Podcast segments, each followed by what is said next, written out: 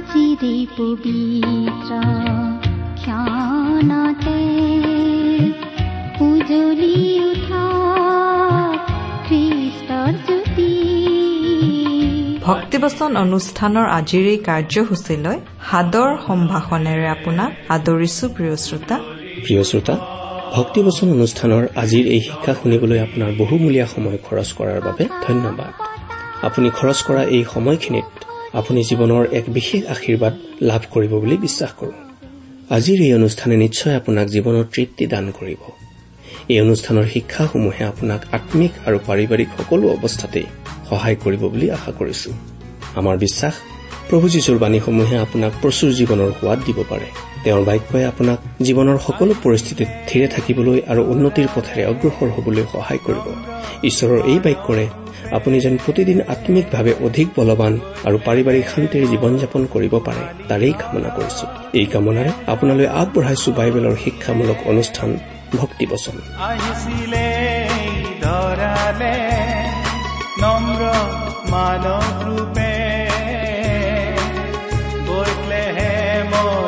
গোহালি ঘৰ তেওঁ জনম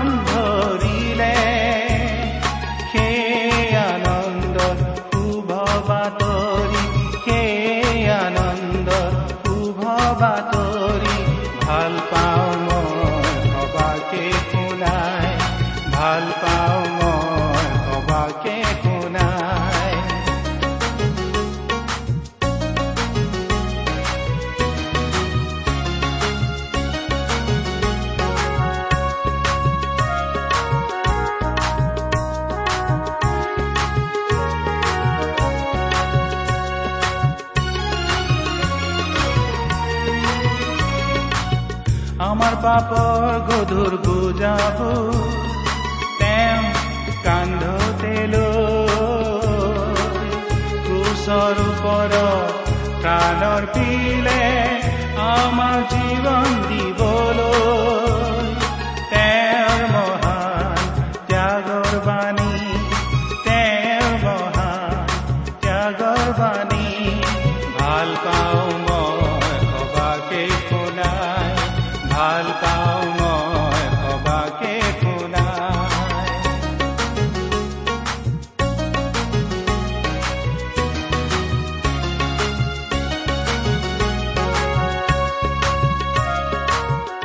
আমাৰ পৰম পবিত্ৰ প্ৰভু যীশুখ্ৰীষ্টৰ নামত নমস্কাৰ প্ৰিয় শ্ৰোতা। আশা কৰো মহান পিতা পৰমেশ্বৰৰ মহান অনুগ্ৰহত আপুনি ভালে কুশলে আছে। আপুনি বাৰু আমাৰ এই ভক্তিবচন অনুষ্ঠানটো নিয়মিতভাৱে শুনি আছেনে? শুনি কেনে পাইছে? আমালৈ চিঠি লিখি জনাবচোন। আহকচোন আজিৰ বাইবেল অধ্যয়ন আৰম্ভ কৰাৰ আগতে খন্তেক প্ৰাৰ্থনাত মূৰ দুৱাওঁ। স্বৰ্গত থকা অসীম দয়ালু পিতৃ ঈশ্বৰ তোমাৰ মহান নামৰ ধন্যবাদ কৰো। তুমি সৰ্বশক্তিমান সৰ্বব্যাপী সৰ্বজ্ঞানী ঈশ্বৰ হৈও আমাৰ দৰে ক্ষুদ্ৰ মানৱক যে ইমান প্ৰেম কৰা সেই কথা ভাবিলেই আচৰিত হওঁ। তুমি আমাক ইমানেই প্ৰেম কৰিলা যে আমাক পৰিত্ৰাণ দিবলৈ তুমি তোমাৰ একেজাত পুত্ৰ যীশুখ্ৰীষ্টকেই আমালৈ দান কৰিলা। তেওঁ ক্ৰুচত নিজৰ পবিত্ৰ তেজেৰে আমাৰ পাপৰ প্ৰাচিত্য কৰিলে। আজি তেওঁত বিশ্বাস কৰি আমি অনন্ত জীৱন লাভ কৰি তোমাক পিতৃ বুলি মাতিব পৰা হৈছো। তাৰ বাবে তোমাক অশেষ ধন্যবাদ পিতা। এতিয়া আমি তোমাৰ মহান বাক্য বাইবেল শাস্ত্ৰ অধ্যয়ন কৰিবলৈ ওলাইছো প্ৰাৰ্থনা কৰিছো তোমাৰ বাক্য তুমিয়েই আমাক বুজাই দিয়া। এই অনুষ্ঠান শুনি থকা আমাৰ মৰমৰ শ্ৰোতাসকলক তুমি উপচি পৰাকৈ আশীৰ্বাদ কৰা। কিয়নো এই প্ৰাৰ্থনা আমাৰ মহান ত্ৰাণকৰ্তা মৃত্যুঞ্জয় প্ৰভু যীশুখ্ৰীষ্টৰ নামত আগবঢ়াইছো।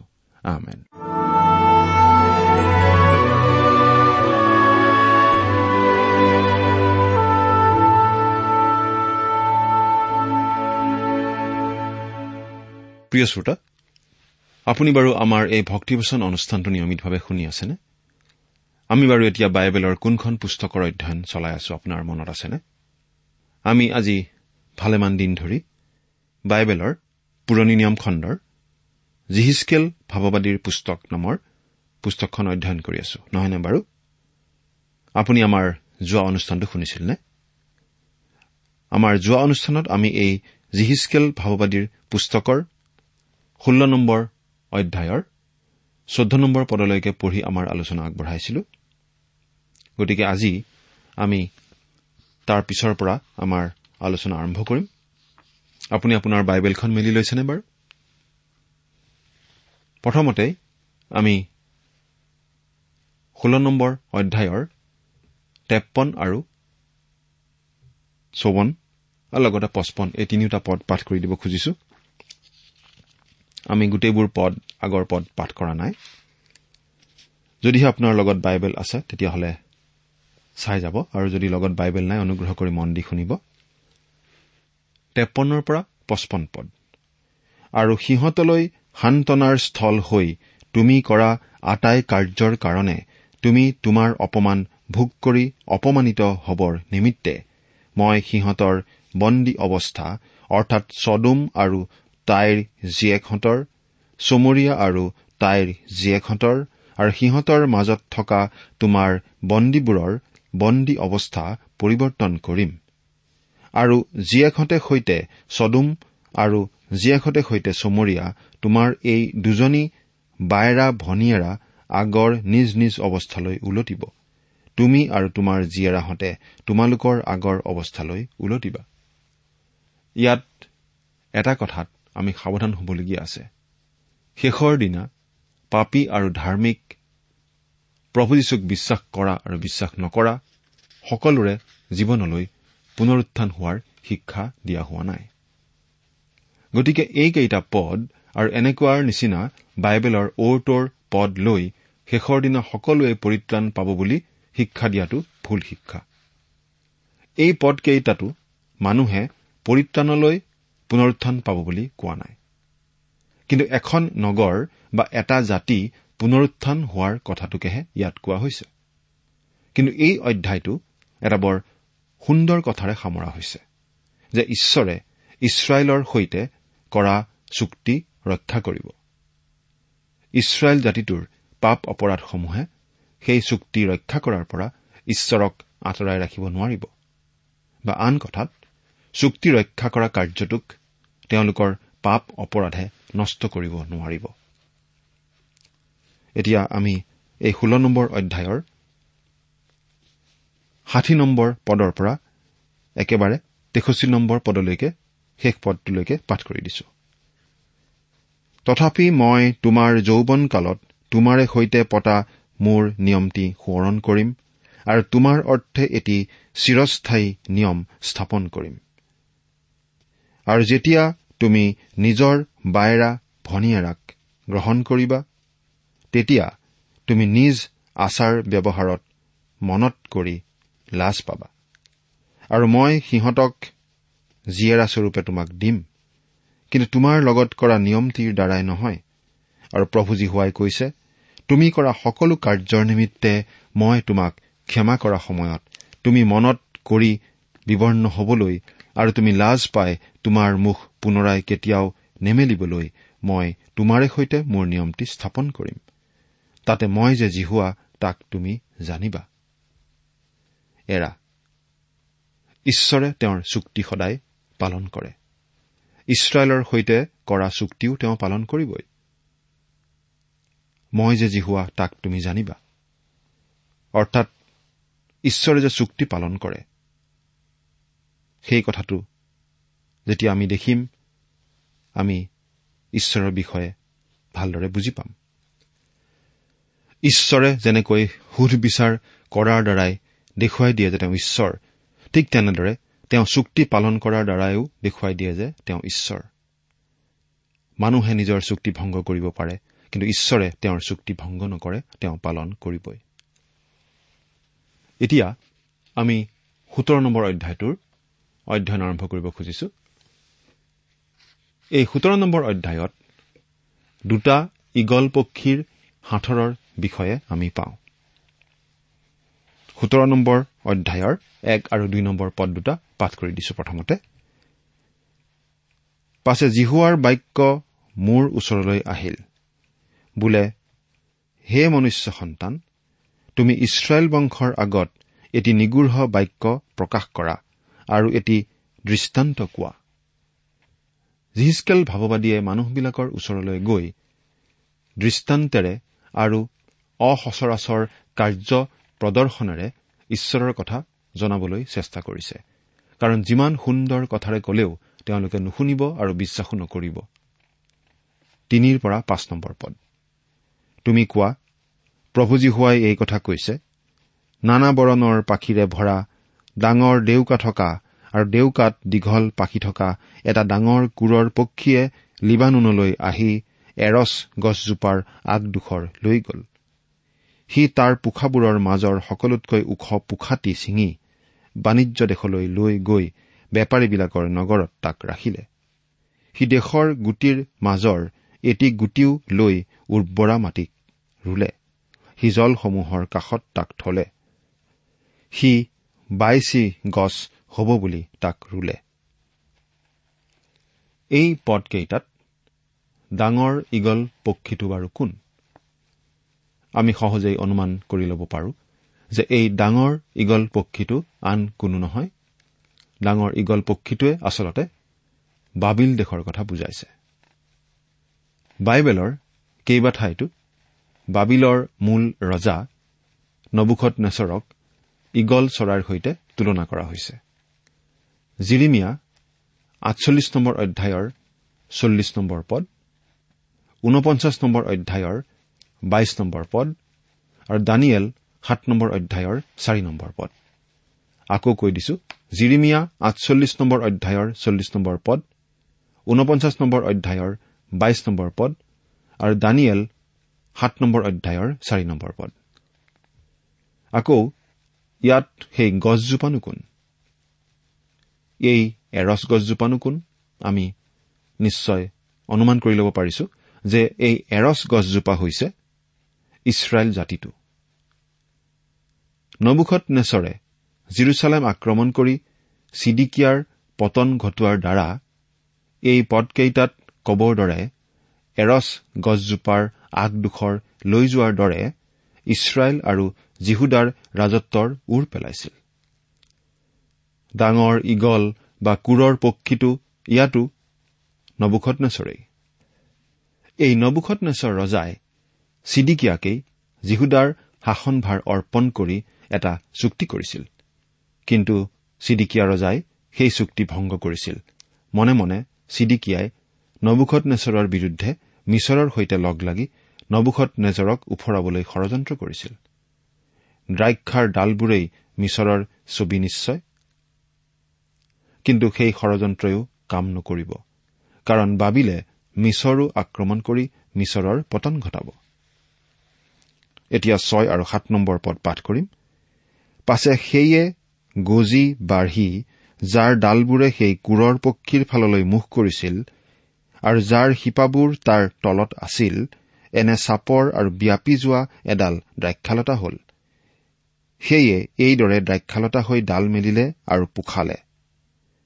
ডাঙৰ ডেউকা আৰু বহুত পাক্ষী থকা আন এটা ডাঙৰ কোৰৰ পক্ষী আছিল। আৰু চোৱা সি পানী দিবৰ নিমিত্তে এই দ্ৰাক্ষালতাই নিজকে ৰোৱা ভেটিৰ পৰা তাৰ ফাললৈ শিপা মেলিলে আৰু তাৰ ফাললৈ ডালবোৰ ঢাল খুৱালে। আনটো ইগল চৰাই হৈছে মিছৰ। এই সময়ত মিছৰ এটা যথেষ্ট শক্তিশালী জাতি হৈয়েই আছিল। চিডিকিয়াই নবুখত নেজৰ ৰজাৰ লগত কৰা চুক্তি ভংগ কৰি মিছৰৰ লগ লৈছিল। এই কথাটোকেই বুজাইছে সেই ডালকেইটা মিছৰৰ পিনে হালি যোৱা ছবিখনে। দ্ৰাক্ষা গছডাল মিছৰৰ মাটিত ৰোৱা হৈছিল। সেই মাটিৰ পৰা সাৰ আৰু আহাৰ আহৰণ কৰিবলৈ আশা কৰা হৈছিল। কিন্তু মিছৰৰ পৰা কোনো শক্তি ইছৰাইলে নাপাব কাৰণ মিছৰো ধ্বংস হ'ব। নবুখত নেচৰে মিছৰ আক্ৰমণ কৰি এসময়ত পৰাস্ত কৰিছিল আৰু মিছৰকো নিজৰ বহুতীয়া ৰাজ্য কৰিছিল। বাৰৰ পৰা পোন্ধৰ নম্বৰ পদলৈকে পাঠ কৰি দিম। তুমি সেই বিদ্ৰোহী বংশক কোৱা এইবোৰৰ অৰ্থ কি তাক জানো তোমালোকে নাজানা? তেওঁবিলাকক কোৱা চোৱা বাবিলৰ ৰজাই জিৰচালেমলৈ আহি তাৰ ৰজা আৰু তাৰ অধ্যক্ষবিলাকক ধৰি বাবিললৈ নিজৰ ঠাইলৈ লৈ গ'ল আৰু তেওঁ ৰাজবংশীয় এজনক লৈ তেওঁৰ লগত এটি নিয়ম স্থাপন কৰিলে। ৰাজ্যখন যেন সামান্য হয় নিজকে যেন বৰ বুলি নামানে কিন্তু তেওঁৰ নিয়মটি পালন কৰাৰ দ্বাৰাই যেন থাকিব পাৰে এই নিমিত্তে তেওঁ সেইজনক শপতৰ অধীনো কৰিলে আৰু দেশৰ বীৰবিলাকক লৈ গ'ল। কিন্তু তেওঁ মিছৰীয়াহঁতৰ পৰা ঘোঁৰা আৰু অনেক মানুহ পাবৰ মনেৰে মিছৰলৈ নিজ দূত পঠাই তেওঁৰ অহিতে বিদ্ৰোহ কৰিলে। তেওঁ উন্নতি লাভ কৰিবনে? এনে কৰ্ম কৰাজনে জানো ৰক্ষা পাব? তেওঁ জানো নিয়মটি ভাঙিও ৰক্ষা পাব? মন কৰিবলগীয়া কথাটো এইয়ে যে নবুখনেশ্বৰ ৰজাই হলে তেওঁ পালন কৰিবলগীয়া চুক্তিটো পালন কৰিছিল। আনহাতে চিডিকিয়াৰ নিচিনা ইছৰাইলৰ ঈশ্বৰ জিহুৱাক জনা ৰজাই চুক্তি ভংগ কৰি ঈশ্বৰৰ নামত কলংক সানিছিল। আৰু ইয়াৰ পৰিণামস্বৰূপে নবুখত নেচৰে জিৰচালেম আক্ৰমণ কৰি ধ্বংস কৰিব আৰু ইমানতেই চিডিকিয়াৰ ৰাজত্বৰো ওৰ পৰিব। আৰু সেইদৰেই ঈশ্বৰে মন্দ ৰজা বিশ্বাসঘাতকতা কৰা ঈশ্বৰ বিৰোধী ৰজা চিডিকিয়াৰ ওপৰত সুধবিচাৰ কৰিব।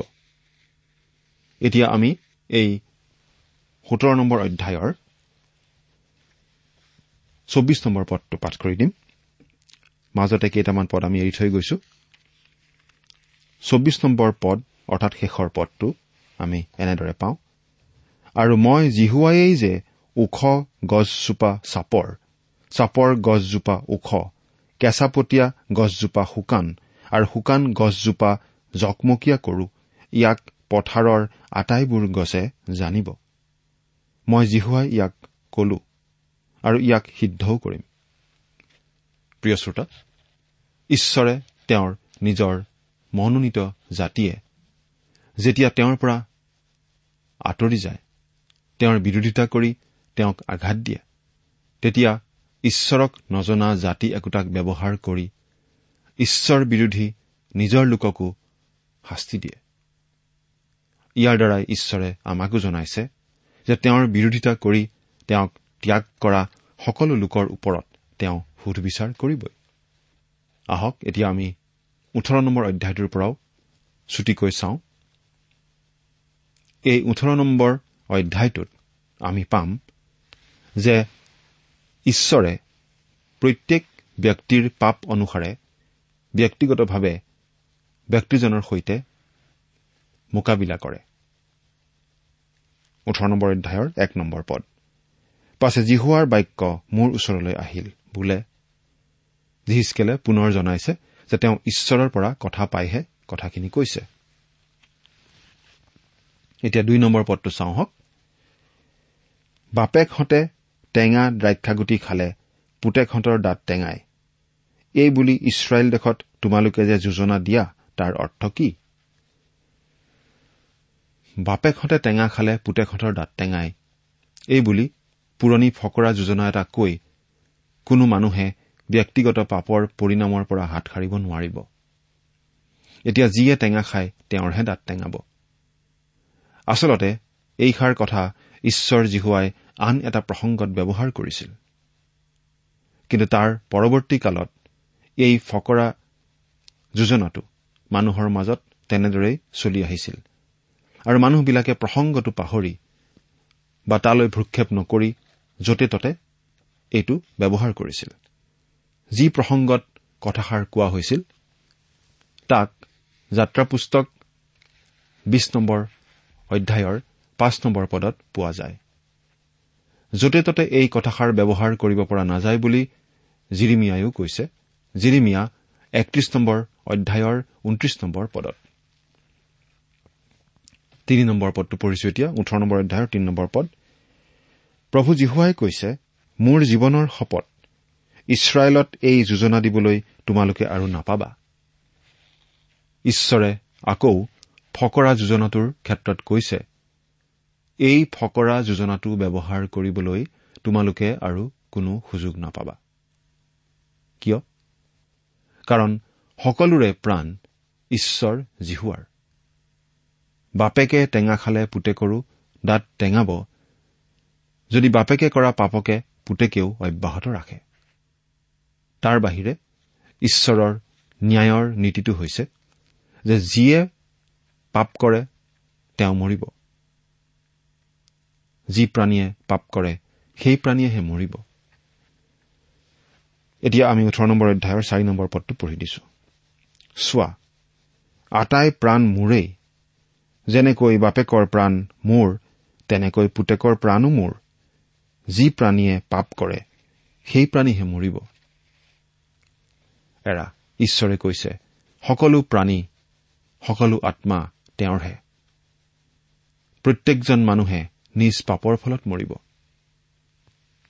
যি প্ৰাণীয়ে পাপ কৰে সি অৱশ্যে মৰিব। ঈশ্বৰে প্ৰত্যেকৰে বিচাৰ কৰিব। পাঁচ নম্বৰ পদৰ পৰা ন নম্বৰ পদলৈকে পাঠ কৰি দিম। যদি কোনো মানুহ ধাৰ্মিক হয় যি উচিত আৰু ন্যায় তাকে কৰে পৰ্বতবোৰত ভোজন নকৰে বা ইছৰাইল বংশৰ মূৰ্তিবোৰলৈ চকু নোতোলে বা নিজ ওচৰ চুবুৰীয়াৰ তিৰোতাত অসুচী নকৰে নাইবা কোনো তিৰোতা অসুচী হোৱা সময়ত তাইৰ ওচৰলৈ নাযায় আৰু কাকো অন্যায় নকৰে কিন্তু ধৰুৱাক তাৰ বন্ধক ওলোটাই দিয়ে কাৰো বস্তু বলেৰে কাঢ়ি নলয়।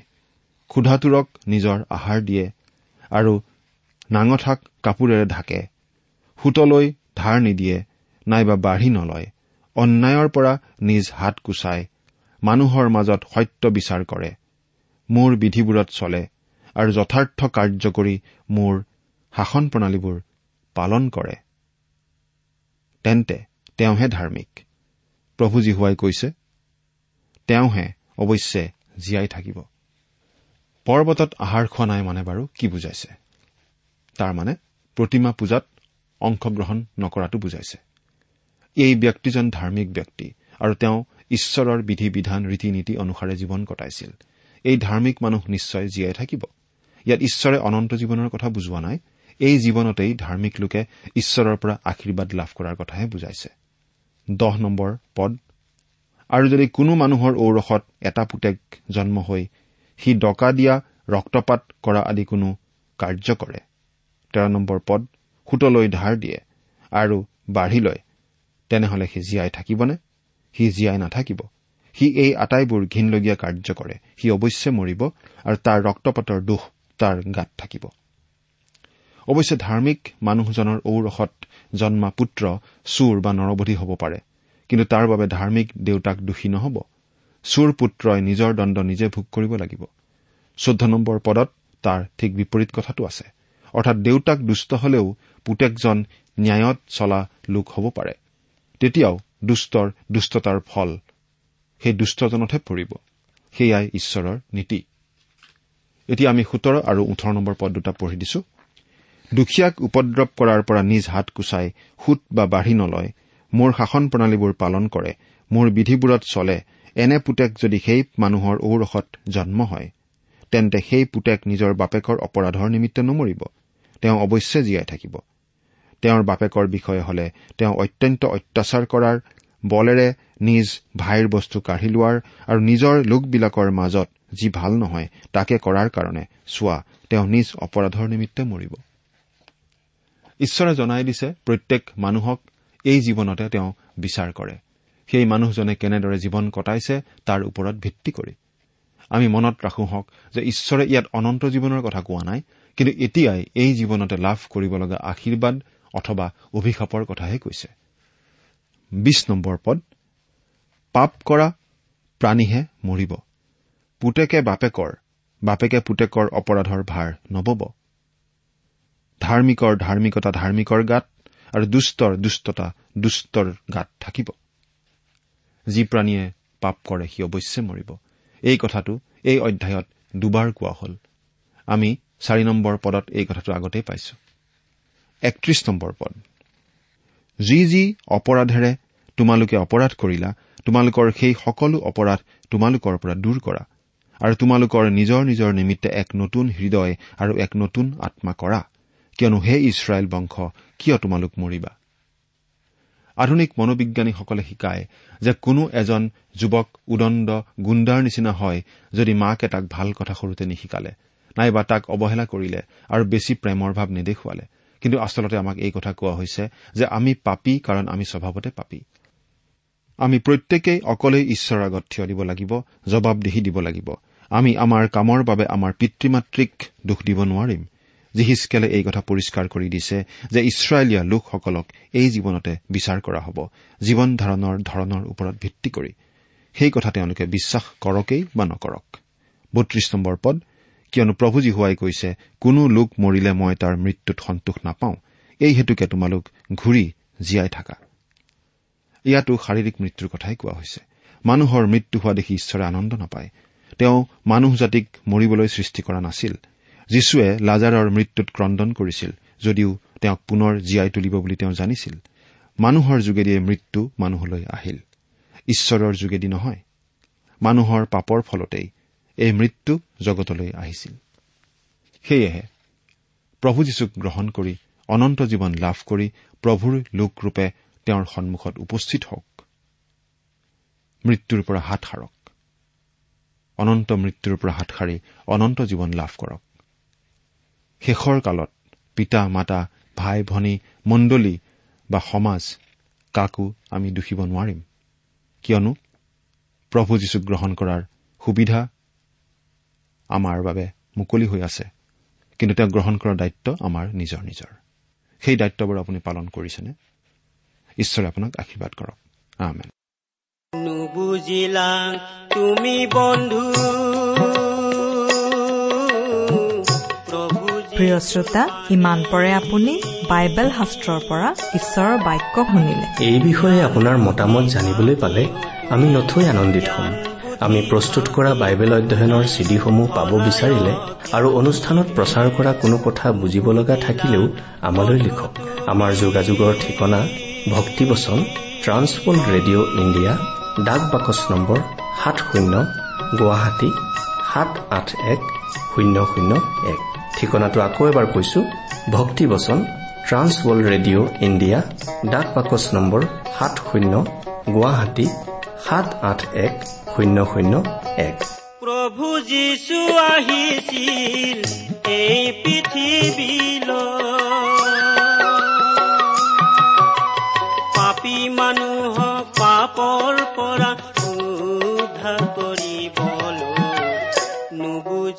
আমাৰ ইমেইল এড্ৰেছটো হৈছে Assamese T TV at the rate radio' eight eight two dot com.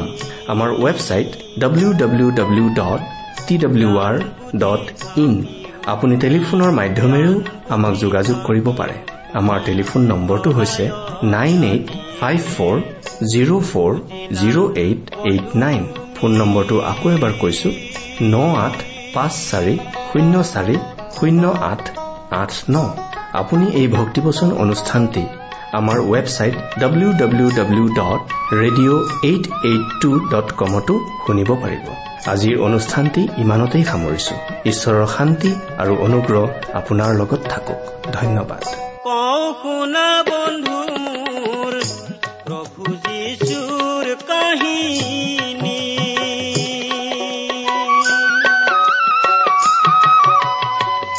কবলৈ নোৱাৰো বন্ধু কবলৈ নোৱাৰো বন্ধু পৰে হিয়া দুখে ভৰি নুবুজিলা বন্ধু তুমি। প্ৰভু যীশুৰ বাণী। জ্ঞান বুদ্ধি থাকিও তুমি। জ্ঞান বুদ্ধি থাকিও তুমি হলায় জ্ঞানী হে নুবুজিলা বন্ধু তুমি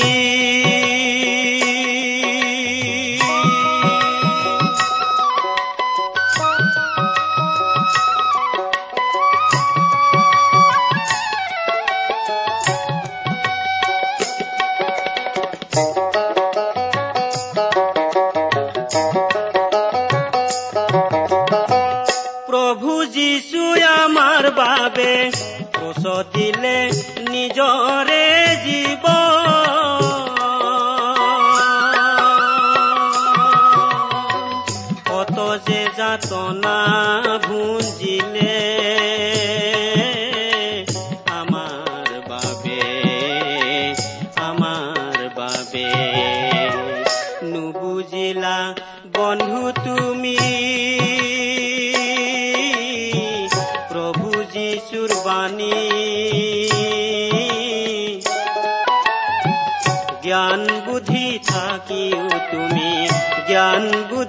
থাকিও তুমি হলায় জ্ঞানী হে। নুবুজিলা বন্ধু তুমি